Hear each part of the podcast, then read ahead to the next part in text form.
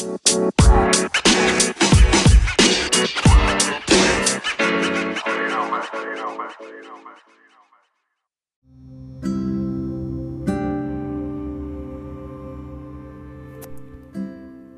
berbagi inspirasi kembali menemani kalian. Beberapa waktu lalu aku ngalamin hal yang mungkin sempat juga kalian alami. Aku ngerasa minder banget dan akhirnya aku coba chat beberapa support system buat dapetin sudut pandang baru, buat dapetin kekuatan. Dan ada satu teman, teman dekat yang cerita sebuah kisah fiksi memang, tapi ternyata ada nilai yang luar biasa. Dan ternyata ini juga menguatkan aku dan aku berharap waktu aku cerita ini ternyata juga bisa menguatkan teman-teman yang mendengar ya. Kisah ini tentang tempe setengah jadi. Suatu hari seorang kakek pembuat tempe, dia sakit dan harus beristirahat. Kakek itu nggak bisa membuat tempe untuk dijual oleh istrinya.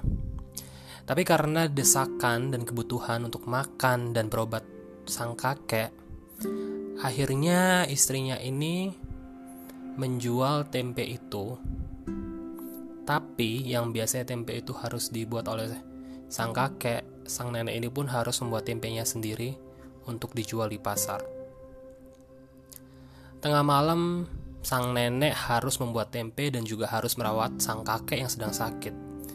Setelah subuh, sang nenek mempersiapkan tempe-tempe yang dia buat dan ternyata tempenya belum jadi. Sang nenek pun berdoa memohon agar kedelai yang dia buat tadi bisa berubah menjadi tempe.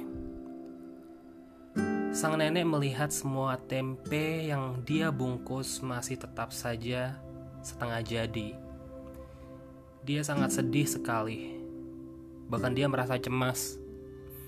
Karena kalau misalnya nggak bisa jualan, dia nggak ada uang untuk berobat sang kakek. Bahkan untuk berjualan di kemudian hari dengan membuat tempe.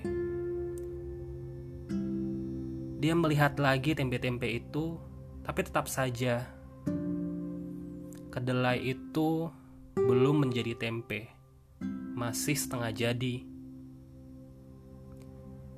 Di pagi itu, dengan setengah yakin, sang nenek akhirnya berangkat ke pasar untuk menjual tempe. Dia berpamitan ke suaminya, sang pembuat tempe, tanpa menceritakan kesulitan yang mereka alami. Ya wajar sih ya, karena sang nenek takut suaminya yang sedang sakit jadi kepikiran. Sampai di pasar, Sang nenek mempersiapkan lapaknya dengan menggelar keranjang dan kursi kayu kecil. Sang nenek berdoa, berharap semoga ada pembeli yang membeli tempe setengah jadinya ini. Tapi saat melihat tempe-tempe itu kembali, sang nenek masih sedih dan merasa tidak yakin. Akhirnya sang nenek cuma bisa berpasrah dan berdoa sambil melihat pedagang-pedagang lain yang mulai merapikan dagangannya karena tempe yang mereka jual sudah habis dan gak satu orang pun yang mau membeli tempe setengah jadi milik sang nenek. Hari itu sudah siang. Sang nenek pun akhirnya mencoba mengemasi dagangannya yang memang satu pun tidak ada yang terjual. Tapi nggak lama kemudian datang seorang pemuda menyapa sang nenek dan bertanya, Nenek, jual tempe setengah jadi nggak?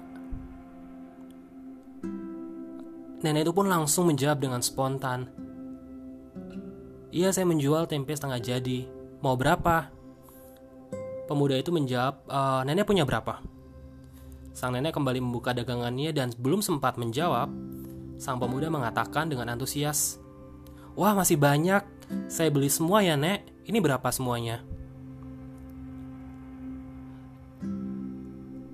Sang nenek pun sangat bersyukur karena pemuda itu membeli semua tempenya.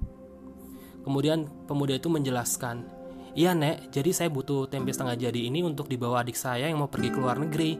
Jadi biar waktu dia ke luar negeri, tempenya uh, sudah menjadi matang di luar negeri itu. Jadi saya sangat butuh nih tempe setengah jadi buatan nenek. Akhirnya sang nenek kembali membungkus semua tempe setengah jadi yang dia buat dan menyerahkan kepada pembeli yang sudah dinanti oleh sang nenek, seorang pemuda yang ternyata membutuhkan tempe setengah jadi itu. Jadi begitulah kisah dari tempe setengah jadi yang aku dapetin dari temanku. Kalau dari kalian apa yang kalian dapetin dari kisah ini? Kalau aku ngelihat sih yang aku dapetin adalah um, semua orang udah punya porsinya masing-masing. Walaupun sang nenek ini punya tempe setengah jadi. Tapi kalau memang udah rezekinya ya dia bakal bisa dapetin pembeli yang membeli semua tempenya gitu. Dan gak usah lagi pusing dengan membandingkan dengan orang lain gitu yap itu yang menguatkan aku banget dari kisah ini. Menarik ya. Btw kalau misalnya kalian ada info kisah lainnya nih atau mungkin dari tokoh atau mungkin inspirasi dari teman-teman kalian nggak usah ragu buat dm aku di @thenuleo @thenuleo atau mungkin bakal kita bisa kolaborasi buat bikin podcast. Bakal seru banget tentunya. So thank you buat sudah dengerin dan pesanku jangan capek buat berbagi inspirasi.